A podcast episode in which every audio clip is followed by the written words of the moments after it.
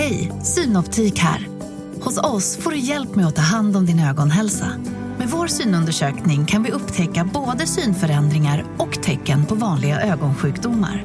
Boka tid på synoptik.se.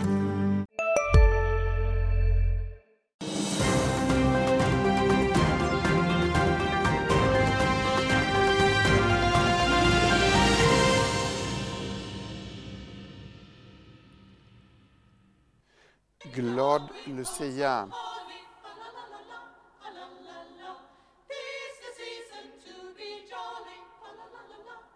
Mm, glad Lucia säger vi och välkomna till Börsmorgon. Lite vacker musik hörs samtidigt som jag pratar och ett hopp av ljus verkar ha lyst över Wall Street igår som klättrade. Mycket fokus på dagens inflationssiffra i USA lite senare i eftermiddag och här i studion ska vi dessutom snacka småbolag. Det är den 13 december. Nu kör vi! Börsoptimisten är här. Ni såg honom i studion. Han ser ett riskfritt 2023. Nu, nu, tog jag väl i lite grann kanske, men han är optimistisk i alla fall. Eh, det är inte bara Lucia, det är högsäsong för emissioner också. Detta ska vi nämna tillsammans med mycket annat småbolagsrelaterat. Ni ser ju Ulf Hedlund här bredvid mig. Han är VD för Svolder fortfarande väl? Ja. Och han kan varenda småbolag norr om Smyge-Huk. Jonas Thulin som står bredvid honom från Penser förstås kan alla grafer och all konstig makrodata söder om Kalix. Och tillsammans ska vi nog få till en bra diskussion tänker jag. Sam Bankman-Frid greps på Bahamas. Eh, du är en återkommande kritiker av kryptovalutan och reflektion ja. över detta. Nej, egentligen inte annat än att det var väl inte sådär jättekonstigt. Uh, jag vet inte om ni har läst hans uh, skrivna inlaga till sin, sin senatsutförfrågning där han börjar med uh, I fucked up helt enkelt. Uh, och, och skriver man sånt tycker jag säger ganska mycket om industrin överhuvudtaget. Det är en oreglerad industri som jag brukar säga, jag skulle hellre handla med frimärken för jag kan i alla fall posta ett brev Det är någon typ av verklighet bakom det hela teknologin som alla gömmer sig bakom och säger att det är blockchain alltihopa, det tror vi självklart också på. Men, just kryptovalutor behöver nog gå igenom det här stålbadet för att bli en reglerad och mer transparent eh, marknad helt enkelt. Innan vi kan investera i det. Ulf, jag såg ingen kryptovaluta i Svalbers rapport som kom tidigare i morse. Nej, och det tror jag inte kommer någon gång att se. det var väl en av de saker vi pratade om redan 2021, om överhettningstendenser i marknaden. och en av dem var ju väldigt tydligt med just kryptovalutor. En annan het marknad har varit fastigheter. Nu kom det ut på morgonen att Rutger på nytt har sålt aktier i Castellum. Inte heller någon jättechock kanske? Nej, men problematiken ligger väl mer vad gäller fastighetssektorn, kanske inte så mycket i de enskilda bolagen utan det är ju mer då dels hur vi värderar fastigheter med högre avkastningskrav och den andra biten lite grann refinansieringsbitarna. Och eh, om det i några fall är problem på ägarsidan. Så att eh, vi har varit lite skeptiska till fastighetsaktier mot bakgrund av att vi har tyckt det varit för låga avkastningskrav. Men att eh, marknaden har också tagit ut svängarna ganska så ordentligt. Så att eh, vi får väl se vad som händer framåt. Vill du flika in något där? Ni har inte heller varit så fastighetsexponerade? Nej, för ett år sedan satte vi ner foten från ett makroperspektiv egentligen. Bara titta på nybyggnadstillstånd och konsumentförtroendet och bospreadet och, och gick helt ur fastighetssektorn. Och sen så har vi varit ur eh, och är fortfarande det. Däremot inför 2023 så sitter vi och väntar på en timing för att kunna komma in igen. Men då måste liksom marknaden från ett, som vi analyserar från ett fundamentalt perspektiv också stabiliseras. Måste få någon ljus i, i tunneln från en konsumtion, något typ av nybyggnadstillstånd, något, något makro helt enkelt som, som vänder. Men, men det är vårt sätt att se på saker. Sen är jag med Ulf om att det, det, det kommer en tid när de här, det borde få en justering i värderingen alltihopa. Det som vi lägga till är också är att vi har haft extrema kapitalutflöden i Sverige också mm. som har legat ganska tungt investerade i den här sektorn. Nu börjar vi se kapitalinflöde till Sverige igen tack vare vår börsutveckling och annat. Och det är någonting vi följer också och ser vart går de där flödena för det, det kan också bli en sån här ljusglimt, eventuellt. Kan inte du kroka på? Kronresonemanget är intressant här. ja, nej, men vi har ju haft en väldigt svag krona under, mm. under en period. Och det är inte bara fastighetsaktier som har gått ner i ett internationellt perspektiv utan väldigt mycket eh, mer traditionella in, eh, industribolag. Och det är ingen tillfällighet att vi fick bud på exempelvis Swedish Match under, under året här när kronan har varit så otroligt svag som den har varit mot, mot eh, framförallt då dollarn. Så att det betyder ju att många svenska bolag har blivit väldigt billiga. Och då är det kanske så att de internationella kapitalflödena kommer mer och mer tillbaka till Sverige de, många utländska hus har ju dramatiskt sålt av och när internationella aktörer gör det då finns det ju nästan ingen hejd. Då ska aktierna ut. Ett exempel är ju lite grann då från vår, vår egen portfölj då exempelvis Capital har sålt allt i Norddato. Och då finns det möjligheter i de situationerna för det, eh, vi tittar längre än så. Så utländskt kapital är lite odiskriminerande och drastiskt kan man säga och då, ska, då, då ser vi köplägen. Fastigheter snart, Nolato redan nu. Tolkar jag det rätt? Då? Ja, det är väl en beskrivning som är bra. Mm. Vill du ansluta? Ja, jag håller med. Plus vi får inte glömma här under förra året så gjorde man ju den här, äh, man öppnade upp för att amerikanska spekulativa konton kan handla svenska aktier utan att aktien är noterad eller listad i USA. Vilket gör att de kan gå rakt in i Sverige och egentligen bara köra momentum med vilken strategi de väl kör. Och när det vänder, då vänder de eh, obönhörligen. Och det bryr sig inte så mycket om fundament alla gånger. Det är en variabel som vi försöker utnyttja men, men det, det blir ju också att ibland hamnar nästan aktiekursen längre och längre från fundamenta till bolaget. Mm. Och då måste man bestämma sig om man är långsiktig på fundamenta eller om man jagar aktiekurser.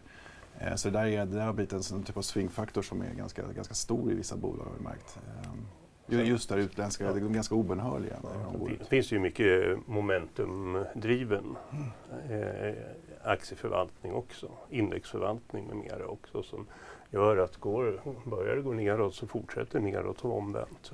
Mm. Så de här trenderna tenderar ju till att bli längre.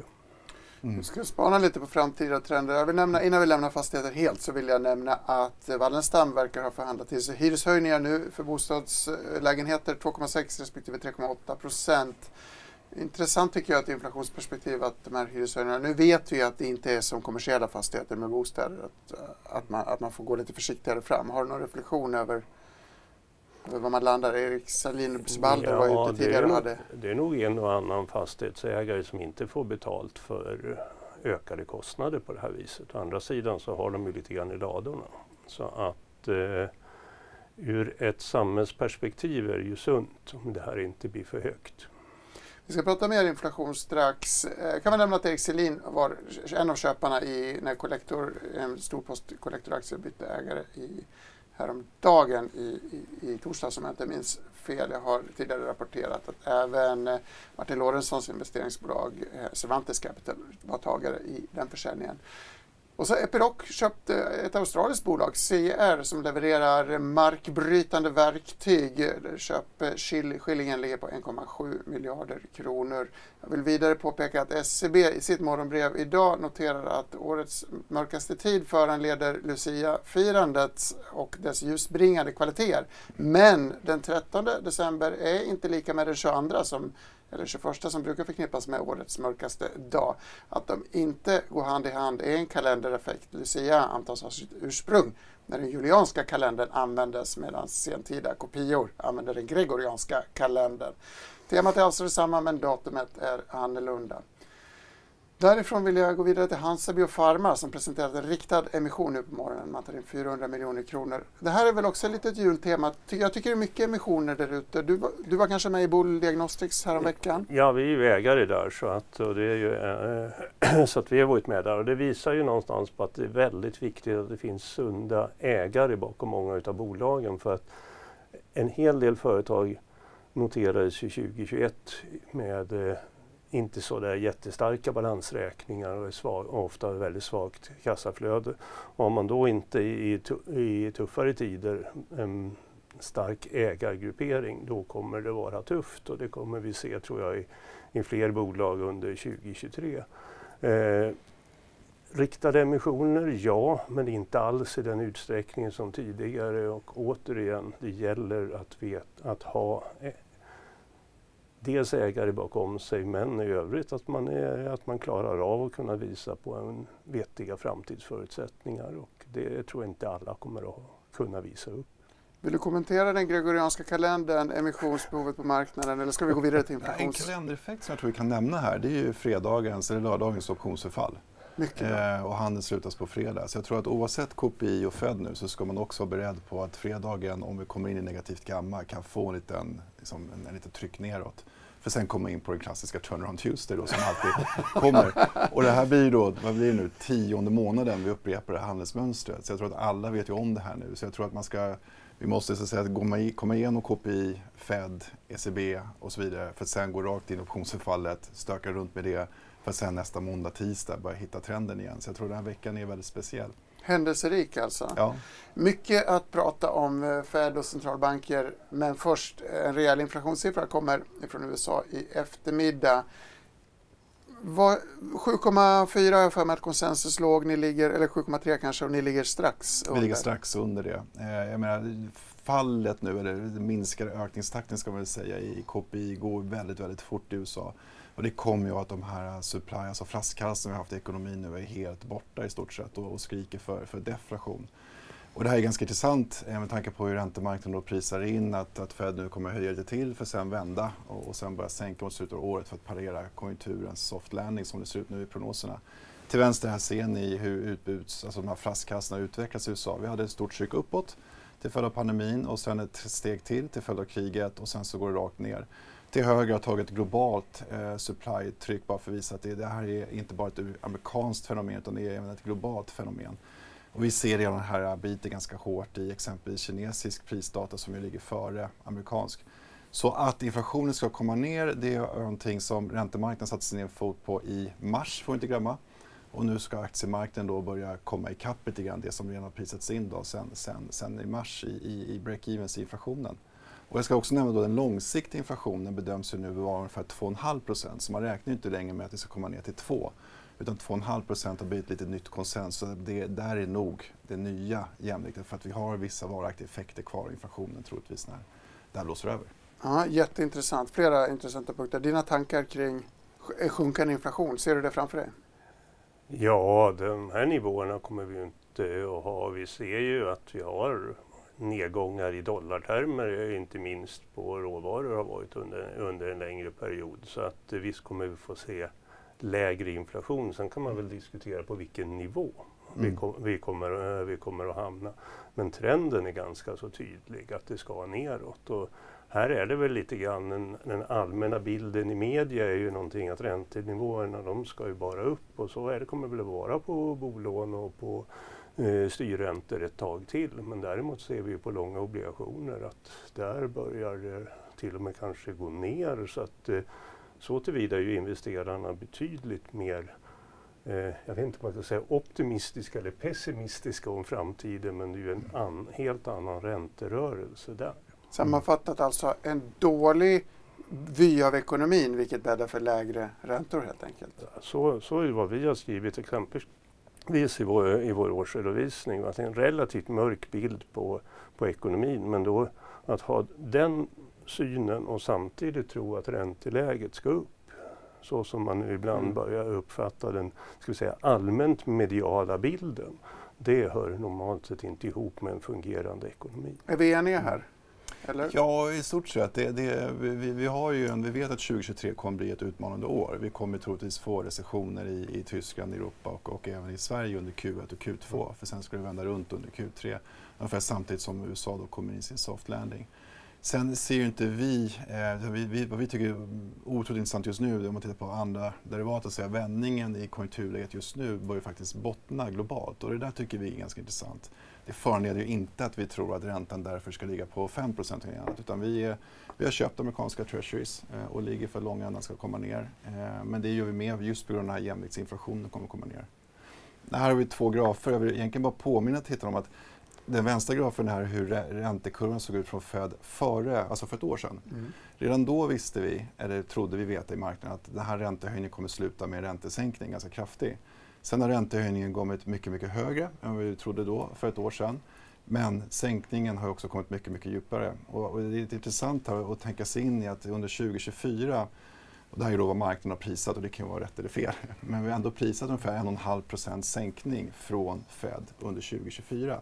Det är en ganska markant ändring av, av, av styrräntan just för att man vill döda den här inflationen och sen hitta någon typ av jämviktsnivå igen. Eh, och det kan ju då föranleda också att tioåriga jämviktsräntor och annat hamnar betydligt lägre än vad vi är idag.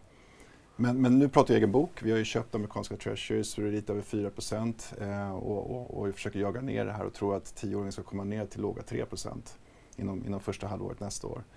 Men det är ganska intressant räntebana. att vi, vi, jag tycker det är värt att påminna om att vi har eh, egentligen har marknaden aldrig trott att inflationen kommer vara sådär jättevaraktig. Nu ska man inte gå in i den här terminologin igen som, som Fed har fått så mycket kritik för med, med, med huruvida den varaktig eller inte. Men det är ganska intressant att sänkningen som sen kommer, den har vi hela tiden vetat att den kommer. Sen är det timingfrågan. Mm. Eh, timingfrågan gör också att vi måste göra en kort paus nu eftersom klockan har slagit nio och börshandeln är igång. Vi går därmed över till Studio 2 och Sofia Hårdänge.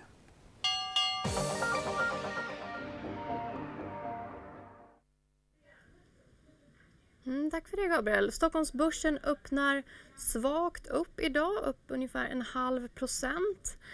På storbolagsindex så hittar vi Kinnevik i toppen följt av Ericsson, Electrolux. I botten så hittar vi SKF som är ner ungefär 1,5 procent efter en sänkt REK. Rutger Arnhult har sålt ytterligare aktier i Castellum för totalt 107 miljoner kronor. Aktien rör sig inte märkbart runt nollan bara nu. Läkemedelsbolaget Caliditas ingår ett licensavtal med Viatris gällande produkten Nefecon i Japan värt drygt en miljard kronor. Aktien rusar nu 9% Bioteknikbolaget Hansa Biopharma tar in 416 miljoner kronor i en riktad nyemission. Teckningskursen uppgick till 53 kronor och nu handlas den för 57. Aktien stiger 3 Investmentbolaget Svolder redovisar ett resultat efter skatt på 40, 74 eh, miljoner kronor för det första kvartalet i det brutna räkenskapsåret. Aktien rör sig inte heller märkbart där runt upp en halv procent. Skogskoncernen Stora Enso gör nya investeringar vid Enocellanläggningen i Finland och vid anläggningen i svenska Skutskär. Aktien rör sig 1% upp just nu. Skanska har tecknat ett avtal om att renovera en vårdbyggnad i USA. och den är värd motsvarande 520 miljoner kronor. Aktien rör sig upp 1% Vestum har flyttats från First North, har sin första dag på huvudlistan. Idag är nu ner 1,5 Nischbanken Collectors styrelseordförande har köpt ytterligare aktier i bolaget under de senaste handelsdagarna för 106,5 miljoner kronor. Aktien handlas upp rätt kraftigt, 4, nästan 5 procent. Epiroc förvärvar australiensiskt bolag med miljardomsättning. Det här gör inte heller något märkbart avtryck på aktien, upp en halv procent. Ska också nämna att oljepriset fortsätter upp idag. Ett fat Brentolja kostar nu 79 kronor, upp drygt 1,5 procent just nu. Men som sagt, en öppning uppåt på Stockholmsbörsen idag. Mm, stort tack. Vi har en makrodiskussion. Nu får ni lugna er lite gossar. ja, vi, ni har, vad pratar man Ni pratar om huruvida det är inbakat i kurserna redan. Det var väl eh, mm. uppstarten? Ja, mm. Jag har en bild, Tobias i kontrollrummet kan ta fram en dinosauriebild på det här temat som jag tänkte ni ska, ni ska få titta på och, och smälta. Eh, där har vi den. Det här ser inte bra ut. Relax, det är redan inprisat, säger mm. Triceratopsen. Och vi vet ju hur det gick för dem. Ulf? Ja, nej, men det är ju lite grann vad vi har sett under hösten här. Att eh, börsen har återhämtat sig trots en, ganska jobbig omvärld. Och det är också någonting som vi har pekat på lite grann ett gungbräda här att makroekonomin har varit negativ under, under hösten och en hel, bit, en hel del under framtidsbilden för 2023. Men investerarna har sålt aktier i sådan utsträckning att värderingarna har börjat bli så pass intressanta att det ändå har attraherat långsiktiga investerare. Så det här är väldigt mycket vad finns det redan i kurserna och den där bilden är lite intressant så tillvida. Jag vill lägga till kassapositionen, ungefär 25 procent och institutionellt kapital ligger fortfarande i kassa eh, som också kommer behöva arbeta sig in i, i börsen någonstans. Och precis som, som, som vi, vi, har pratat om här med värderingen, om vi tar ett klassiskt P tal och justerar för räntan ner till Feds alla krumelurer, då är det ju köpläge på börsen också. Så det, och, och, det roliga om man lägger då börsen mot konjunkturen så kan vi se att ja, men ISM i USA ska ju falla ner under 40 Gör den inte det, då har ju marknaden prisat in för mycket negativt redan. Och, och det gör den väl inte? Brukar den inte bottna vid 45 ja, Det är någonstans? väldigt svårt att komma under 40 för att det är diffusionsindex. Så att du, du måste liksom varje månad måste försämringen accelerera till sån grad som det, det är nästan historiskt otroligt svårt att bli så pass negativ. Det kan för, absolut ske, men, men det sker ju inte så, liksom, det, det händer ju inte av sig själv utan det är en ganska kraftig inbromsning man då skulle se.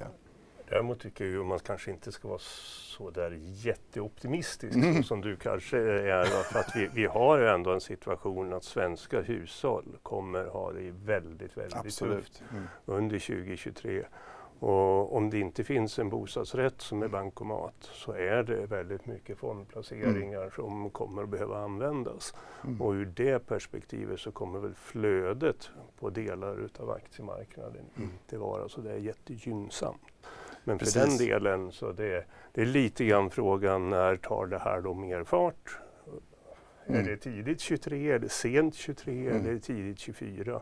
Men att vara väldigt mörk över börsen över lång tid i sin syn. Det har jag jättesvårt att vara. Mm. Det brukar inte löna sig. Nej, och, det leder in på den här blockifieringen som är ett ord vi hittat på och, och försöker pusha för. Att den här, man måste liksom hålla det ur en diversifierad portfölj. Vi har ett USA som just nu slår förväntansbilden i, i makrodata som kommer ut och sen har vi ett Asien där Kina pumpar ut likviditet och sen har vi ett Europa där vi vet att vi är på väg in i en recession. Just det här blockifieringstänket och som svensk konsument som är uppenbarligen mår alldeles fruktansvärt illa.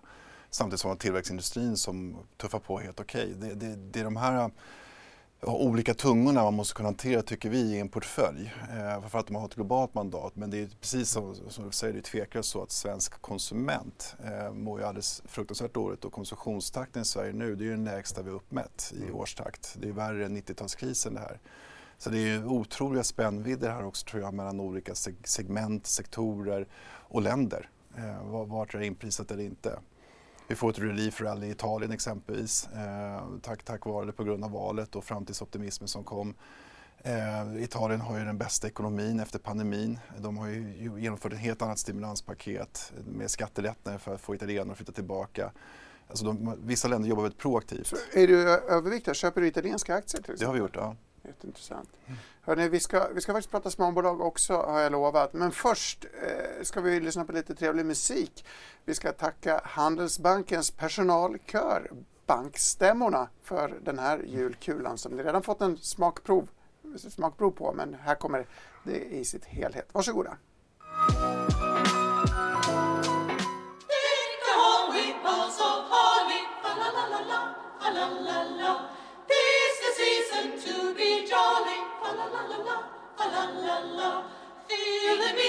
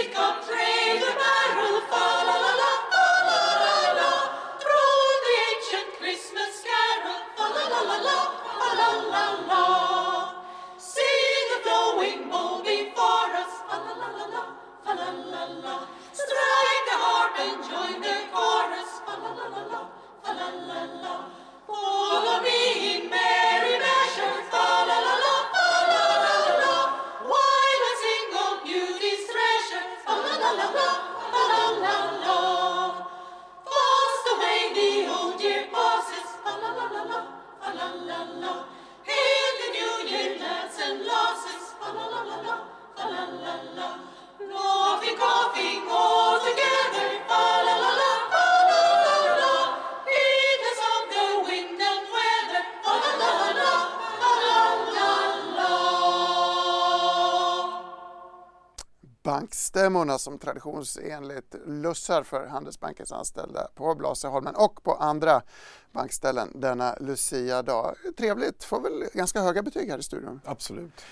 Ljuv musik var ju också Svolders rapport som presenterades tidigare i morse. Eh, även om, nu kanske jag tar i, egentligen så går det inte så bra för småbolag om man jämför med storbolag på Stockholmsbörsen i år i alla fall. Nej men så är det. Och det här är ju i ett längre perspektiv så har ju småbolagen gått väldigt, väldigt bra. Och mycket utav ska vi säga, storbankernas rekommendationer har ju gått mot små bolag. Eh, sen kan man ju alltid diskutera vad är de här gränserna mellan små bolag och större bolag. Då. Men eh, generellt sett i en börsnedgång eller svagare, eh, svagare börs så brukar de mindre bolagen gå sämre. Är det extra mycket så i Sverige för att vi har så stora banker? Som... Ja, det påverkar framförallt på, på OMX-siffrorna och det, och det är OMX som har gått bäst här under året. Då. Du nämnde tidigare och du skriver i rapporten att du har ökat i Nolato bland annat, även mm. Troax och Profoto. Är, det, är, det, är alla tre liksom utbombade och för billiga och därför har man ökat? Eller hur har du ja, Troax och Nolato är utbombade eh, definitivt och det har nog varit mycket då utländskt kapital och indexkapital som har sökt sig bort. Sen kan man ju också någonstans konstatera att värderingarna i de två bolagen har varit ansträngda för ungefär ett år sedan. Så att eh, det är väl den bästa beskrivningen någonstans att långsiktigt är de här bolagen attraktiva. Sen så exakta tillfället, vad som är toppen och botten brukar alltid vara svårt. Men mm. vi har som sagt kommit tillbaka i, i Nolato och vi har åter börjat köpa i Truex. Jag vill nämna att New Wave är det överlägset största innehavet numera eftersom ja, det svällt så mycket antar jag. Ja, där är vi lite Hej, Ulf Kristersson här. På många sätt är det en mörk tid vi lever i. Men nu tar vi ett stort steg för att göra Sverige till en tryggare och säkrare plats. Sverige är nu medlem i Nato. En för alla, alla för en. Har du också valt att bli egen? Då är det viktigt att skaffa en bra företagsförsäkring. Hos oss är alla småföretag stora och inga frågor för små. Swedeas företagsförsäkring är anpassad för mindre företag och täcker även sånt som din hemförsäkring inte täcker. Gå in på swedea.se företag och jämför själv. Förvånade då för bolagets resultat har ju hela tiden utvecklats väldigt bra så att egentligen är aktien ur vinstmultipelperspektivet idag billigare än den var för ett år sedan. Så att eh, där har aktiemarknaden uppenbarligen inte tyckt att det här är antingen långsiktiga vinster eller en missförståelse eller inte förståelse någonstans för bolagets möjligheter framöver. Och, eh, vi har ju sagt ett antal år här att vi tycker att exempelvis New Wave och viss mån Elanders i vår portfölj eh, två typiska bolag som aktiemarknaden inte värderar utifrån förtjänst. Det brukar vara svårt att få Jonas Thulin att prata om enskilda aktier mm. men jag tycker mig se ett glädjens skimmer i ansiktet. Här ja, nej, men uh, New Wave är också ett innehav som vi har i våra portföljer. Uh, så det, det, är kul att, lyssna på. Där, där är vi helt samstämmiga i förhoppningen om, om, om den aktieutvecklingen. Uh, och vad vi gillar framförallt är den internationella satsningen. Mm. som, som vi, vi vill ju ogärna äga småbolag med svenskt liksom, domestikt fokus tack vare på grund av situationen som vi pratade om tidigare med, med svensk konsument. Och här har man mycket brittisk exponering, de är aktiva i USA också. Ni ja, USA är idag största marknad. Mm. Så att eh, det är klart att det påverkar. Tänker vi gå tillbaka till USA. Eh, vi har en bild som handlar lite grann om osäkerhet apropå den här ändå ganska glada utblicken inför 2023. Här skriver du att osäkerheten kommer att minska i nästa ja, år. Vi, vi mäter ju eh, politisk osäkerhet och risk och marknadsosäkerhet och alltihopa och där kan vi se att vi kommer som det ser ut nu komma ner mer på ett historisk nivå när det gäller just osäkerheter och, och det kan man tycka är inte så här jättemycket av en prognos med tanke på de svårigheter vi ändå har haft under året med krig trots allt. Eh, men ur ett marknadsperspektiv så är det en väldigt stor skillnad att gå in i ett år med stabila osäkerheter eller, stigande osäkerheter. Och vad den här bilden visar att vi också är på väg in i det tredje, liksom i en presidentcykel så är vi inne nu i det tredje året som börjar och det historiskt sen, sen 20-talet är alltid, eller inte alltid, men väldigt ofta det bästa aktieåret för amerikansk börs. Vi slipper den amerikanska politiska risken. Sen så finns det alltid orostecken där och vi har ju ett nu i sommar när vi får nästa skuldtaksdiskussion om inte Demokraterna nu trycker igenom det före för de lämnar makten i representanthuset i, i, i början av januari. Men det är ganska intressant ändå att vi har då det tredje presidentåret och det är en sån här kalendereffekt får man nästan kalla det för som man inte ska underskatta heller. Vilken effekt mm. det får att det blir liksom lite lugn och ro och det blir stiltje från Washington. De kommer inte kunna göra så mycket och det, det är faktiskt någonting som kanske inte sjukt nog eh, aktiemarknaden brukar uppskatta. Vi lägger en bild till innan vi går vidare och den här är lite svårbegriplig, du får nästan Ja, förklara. man kan göra så att sedan 1970 kan vi dela upp världen i, i hög, låg och medel eh, tillväxt och hög, låg och medel inflation. Och tittar vi på den här cirkeln jag gjort här till, till den vänstraste av de två graferna så har vi ett historiskt utfall här av alla hur börsen har gått då. Eh, och när vi ser att vi har låg tillväxt och hög inflation då vet vi att börsen ska snitta ner 10% ungefär. Det är den miljön vi har jobbat med under det här året. I våra prognoser så kommer vi gå in i en låg tillväxt men mer normal inflation. Eh, och det är egentligen bara en ren statistik på liksom hur mycket inflation ska falla för att klassas som normal. Och dit kommer vi nå om vi får rätt med att amerikansk inflation kommer nå 3 under, under nästa år. Och då har vi då det största paradigmskiftet för börsen och det här är lite kul att komma ihåg tycker jag inför 2023 att det går vi in då i en mer normal inflation, framförallt då för amerikansk börs, eh, och, men vi har fortfarande låg tillväxt.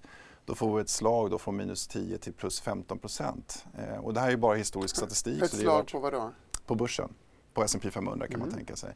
Och, och, statistik och historia är bara värt vad det är värt. Men, men jag tycker, vad jag tycker är så intressant med är att det är det största relativa omslaget vi kan få ur, ur ett makroparadigmtänk för börsens förutsättningar.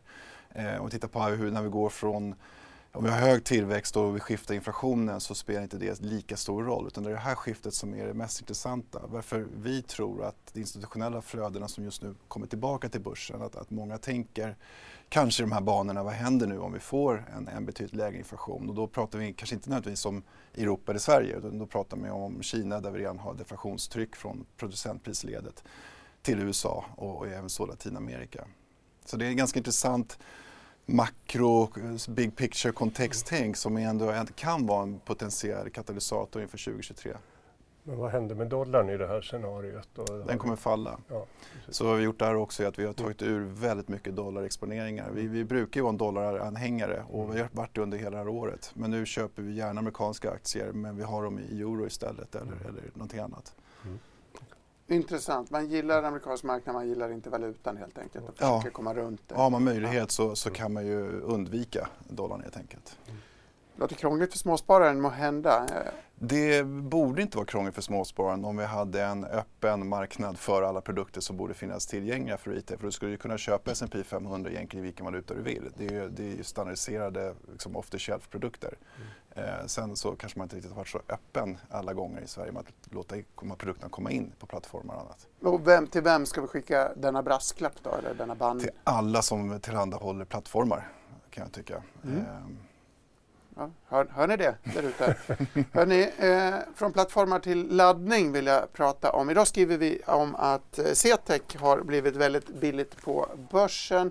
Är en del av en bredare trend. Garo har, är väl ner nästan 50 procent, 47 eh, procent tror jag. Eh, som ni äger, du sitter i Garos styrelse också. Mm. Kanske inte ska bli för bolagsspecifika här så att du inte får någon myndighet på det. Men även europeiska laddningsbolag har haft ett väldigt tufft Eh, år på börsen i år. Ja, det här ska ju ställas i relation till 2021 där situationen var helt annorlunda och där investerarna sprang efter den här typen av bolag. Eh, och det såg vi ju precis efter noteringen utav Citec. Det fanns, ingen, eh, det fanns inget, eh, ingen hejd. Det var vad, vi, vad ryktet säger var ju också att eh, säljande Altor kallade upp Carnegie till sig för att tala om att de sålde ut bolaget för billigt. Så att eh, det, är, det var ett 2021 som präglades av Sa man att man höll på på något sätt med miljörelaterat eller grönrelaterade bolag, då fanns det ingen hejd i hur mycket pengar det fanns. Nu har marknaden börjat nyktra till. Eh, aktiemarknaden nyktrar till och eh, då så är det det här är inte kanske så onaturliga rörelser neråt, även om det är klart att det borde inte på en väl fungerande marknad vara så kraftiga rörelser men man bör se det här i perspektivet också av 2021. Sen tror jag man ska titta på de enskilda bolagen och hur beroende är man utav elbilsladdning i sig. Har man en bredare verksamhet så som då typ Garo har så har man en större grad utav stabilitet. Men det här är en tuff marknad. Den har väldigt bra tillväxtförutsättningar. Men i, när alla ska mot en marknad då gäller det också att eh, klara av och bli rimligt stark. Sen har ju alla utav de här aktörerna drabbats utav komponentbrist och det har, det har påverkat. Men det är, det är skillnad mellan olika bolag. Många intressanta faktorer. Vad säger du om den här vågen? In i grönt och nu ut ur grönt? Ja, vi tror att det bör komma tillbaka in i grönt. Eh, titta på, på fondflödena. Och det hänger ju lite grann ihop med storpolitiken också. Nu är vi klara med, med, med mellanårsvalet i USA. Det blir inte någon reversering av Bidens paket och alltihopa. Eh, och, och det är självklart gynnsamt. Och sen får vi inte glömma det att det, det regulatoriska trycket på oss som förvaltare exempelvis är ju extremt starkt och vi tycker att det är extremt positivt. Eh, men det gör ju att den här gröna vågen så att säga, den kommer så att säga tryckas igenom vare sig man vill eller inte om man ska uttrycka det så. Eh, vi, vi, måste anpassa oss och hantera det eh, och då är den här typen av bolag ganska intressant att titta på för att du hjälper upp ditt snitt i portföljen så att säga. Man tänker rent portföljtekniskt. Där tror jag snarare att det finns, det finns ingen ovilja hos vanliga Nej. verksamhetsbolag mot, eh, mot miljöutveckling. Alla finns med där. Det som skiljer några av de bolagen åt från ska vi säga, olika typer av startups och annat, det är att det finns ett kunnande om hur man driver företag och hur man långsiktigt skapar värden. Sen återstår det väl lite grann att se vad som kommer att stå i olika typer av fondprospekt och annat. Mm. Vilken inriktning ska man ha? Men att det är klart att det är en grön våg som på olika sätt finns i för egentligen alla typer utav bolag. Men då när den har som under 2020 och framförallt 2021 då inriktat så mycket mot bolag som var mer eller mindre förhoppningsbolag. Den förändringen tror jag vi kommer att se mm. framöver. Och för inflika en ganska intressant sak som vi pratar mycket bolag om. Det är just det att även med den ambitionsnivån mm. som är väldigt positiv så måste den någonstans möta vår definition av hållbarhet som är regulatoriskt styrd. Så vi har ju tekniska definitioner som vi måste tolka hållbarhet via oavsett vad bolaget säger. Och där märker vi att det ibland är, är, är avgrundsdjupa skillnader på bolag som tycker och mm. de är säkert också väldigt hållbara, jobbar helt rätt. Men de har inte lärt sig liksom hur kapitalförvaltare måste definiera hållbarhet eller, eller rådgivning för den delen det där ger att vi har, liksom en, och det tror jag kommer vara under ett, två års period här nu innan bolagen så att säga, kommer ikapp med, med nya redovisningsregler och alltihopa. Men det är ganska intressant spännvidd just nu. Men vi har bolag som är väldigt fina och väldigt hållbara. Men de är kanske inte det ur ett EU-regulatoriskt tolkningsperspektiv. Och det är en ganska spännande eh, vidd på vilka bolag som exempelvis USA, de har nästan gjort det här som en affärsidé. Man lägger sig hållbart enligt regelverket och då kommer du med i fonder, du kommer med i index eh, och du får en annan likviditet i din kurs. Eh, vi ligger lite efter den utvecklingen på bolagstänket tror jag i Sverige, att man är inte riktigt så att säga shrewd i det sättet. Eh, så det, det, finns, det är en spännande tid framför oss där. Men där om jag, jag får eh, lägga in att då är det ju väldigt viktigt att vi på kapitalmarknaden på olika sätt försöker också Absolut. påverka regelverket så inte regelverket ligger någonstans mm. långt ifrån verkligheten Nej. som man väldigt ofta upplever. Ja, det gör ju det. Och det är det som är så intressant att den här diskussionen tog ju fart liksom när den kom in i Sverige 2017. Och det som är intressant är att, att vi har nu en, en, definition av vad ett bolag gör, som det är hållbart eller inte, som är satt i lag. Eh, och den definitionen ibland, precis som du nämner, den är faktiskt ibland lite så märklig. Eh, och den är inte så bolags, kanske eh, höll jag vill säga kunnig, men bolagsfokuserad om man säger så. Och det där är ett jätteproblem. Eh, så det där är någonting som vi måste nog liksom, vad heter det, stryka ut med, med strykjärnet under de nästkommande åren. Men, men det är ju just nu satt i sten eh, på hur, hur, man ska se på de här sakerna och det är väldigt spännande vilken, vilket gap det kan bli. Det påminner mig om när vi bytte från den julianska kalendern till den gregorianska. Ja, men lite så. Mm. Hörrni, apropå kalender och tid, dags att gå tillbaka till Studio 2 för en liten börsuppdatering. Sofia, varsågod.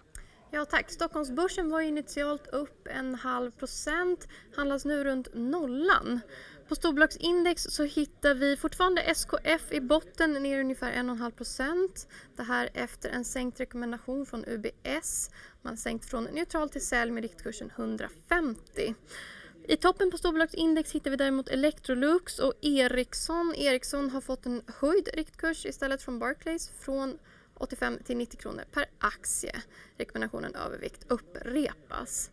Aktien handlas nu upp 1 Forskningsbolaget Mendus rusar efter positiva resultat kring läkemedelskandidaten vid behandling av en form av blodcancer.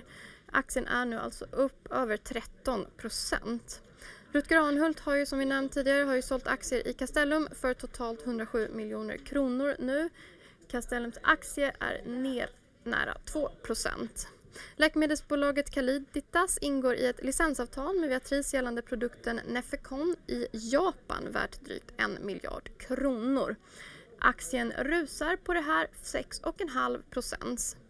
Bioteknikbolaget Hansa Biopharma tar in 416 miljoner kronor i en riktad nyemission. Teknisk kurs uppgick till 53 kronor. Och aktien rusar också, får vi väl ändå ta och säga, 4,5 procent. Investmentbolaget Svolder redovisar ett resultat efter skatt på 47 miljoner kronor för första kvartalet i det här brutna räkenskapsåret. Aktien rör sig däremot ner 1,5 procent. Vestum har ju sin första dag på huvudlistan idag från First North handlas ner 2,5 procent.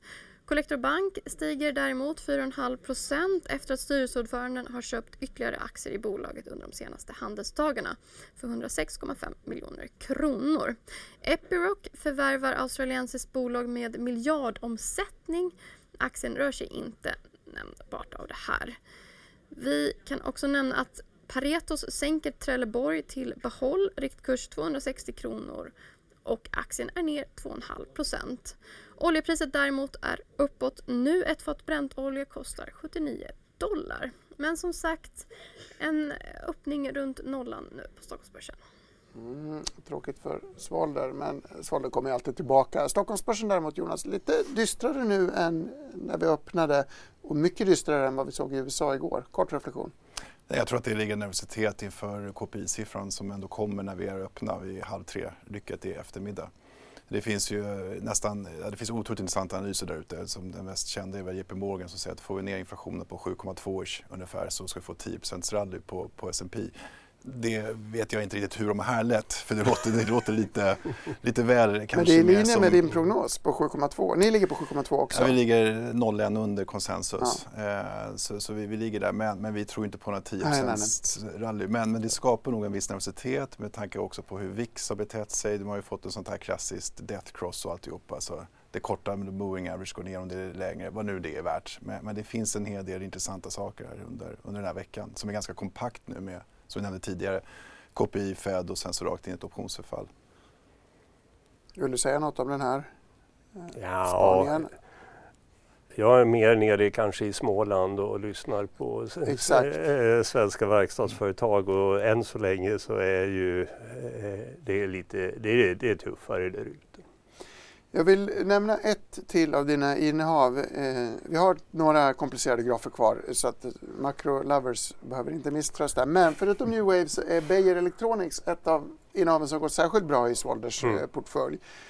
Jag kan ingenting om Beijer Electronics så att jag tänkte du kanske kan skola ja, oss lite Då är det bara att lära sig. Ja. Det kan vara viktigt för framtiden. Nej, men det är ju egentligen två stycken eh, affärsområden. Eh, det är Västermo och det är det som är gamla Beijer Electronics som då mer operatörsterminaler.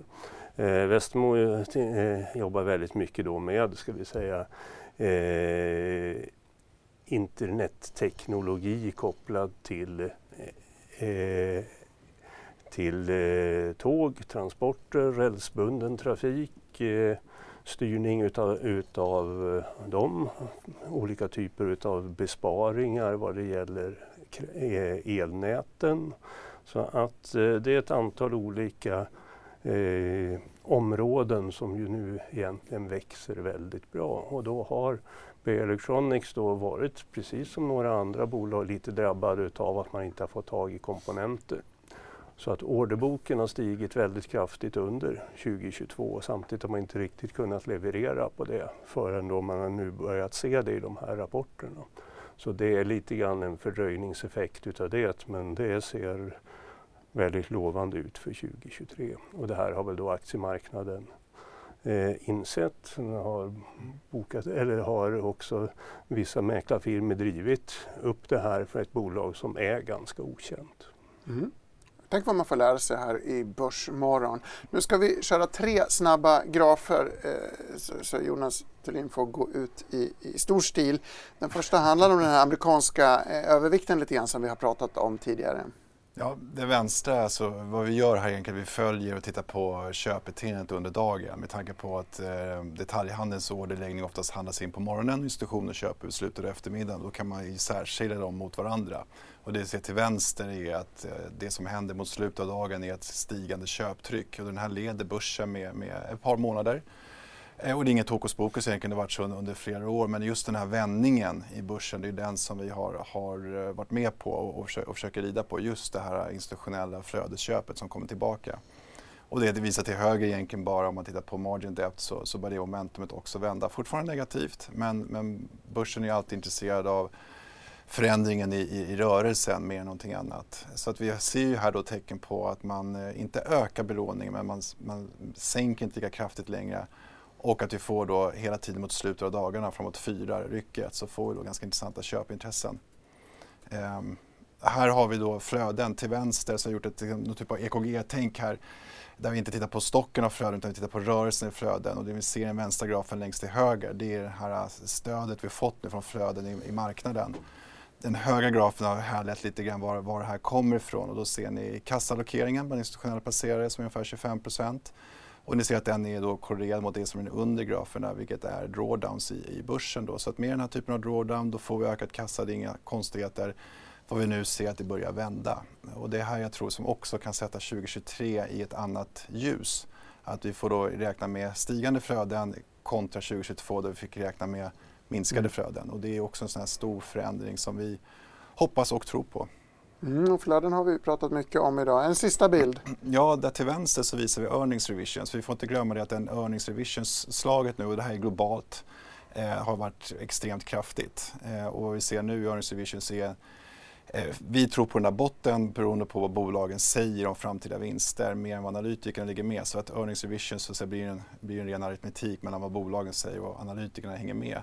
Och det till höger i den blåa, det är också tycker jag är intressant, det är price target revisions vilket, och den brukar pricka bottnarna ganska väl.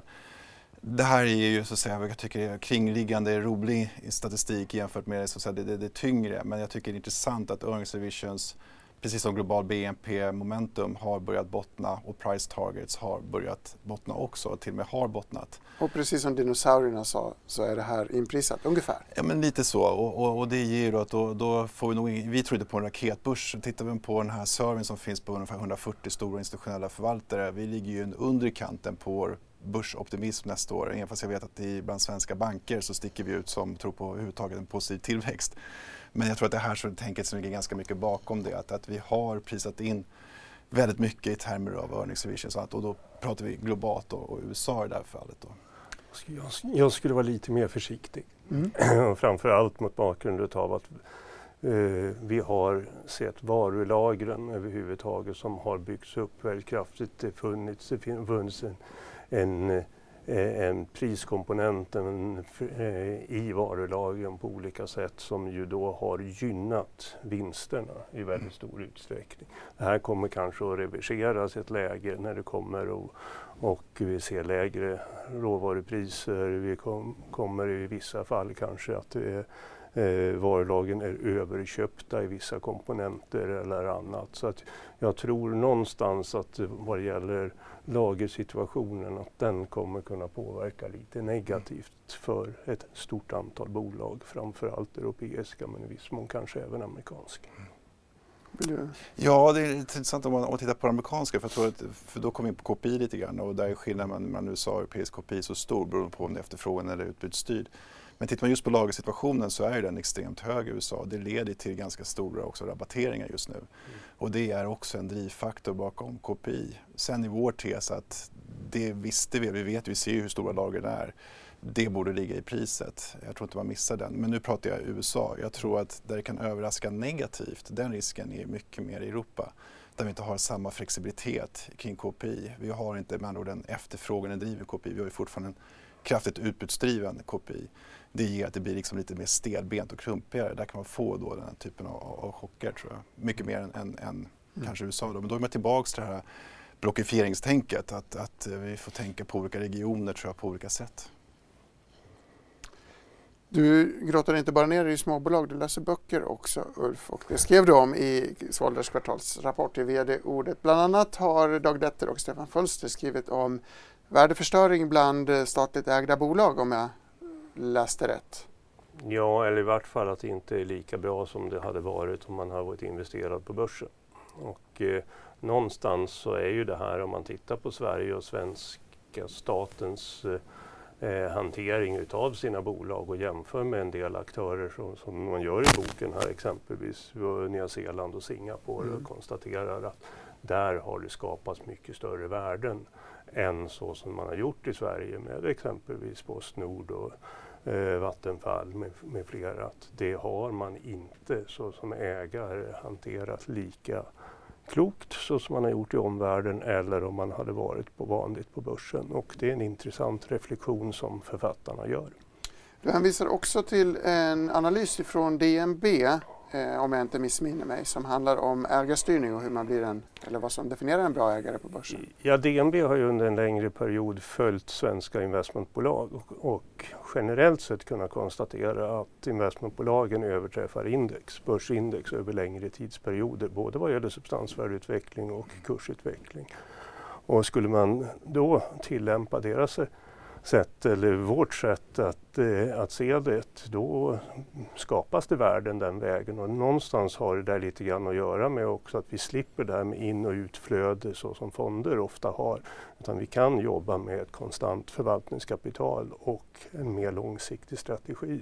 Och det här gäller inte bara Svolder, det här gäller Latour och Bure och mm. Investor och Creades med flera som skapar extra värde så att eh, investmentbolagen i sig har förutsättningar att skapa mer av de där värdena än vad staten har. Avslutande reflektion Jonas? Om detta eller något annat? På böcker annat. Jag håller med om analysen där. Eh, sen är inte jag en bokfantast så att jag, jag, jag där är blank ur mig själv. Men du är en graf och börsfantast och det uppskattar förstås eh, jag som programledare och vi tittare där ute. Stort tack till Ulf Hedlund, Jonas Thulin och inte minst till bankstämmorna på Handelsbanken. Klockan 14 är vi tillbaka med Börskollet. Extra fylligt sådant fortsätter in i KPI-kaklet 14.30 förstås dagens viktigaste siffra. Vi ses då och eh, sen fortsätter Börsmorgon samma tid, samma kanal imorgon. Ha det gott och lycka till idag.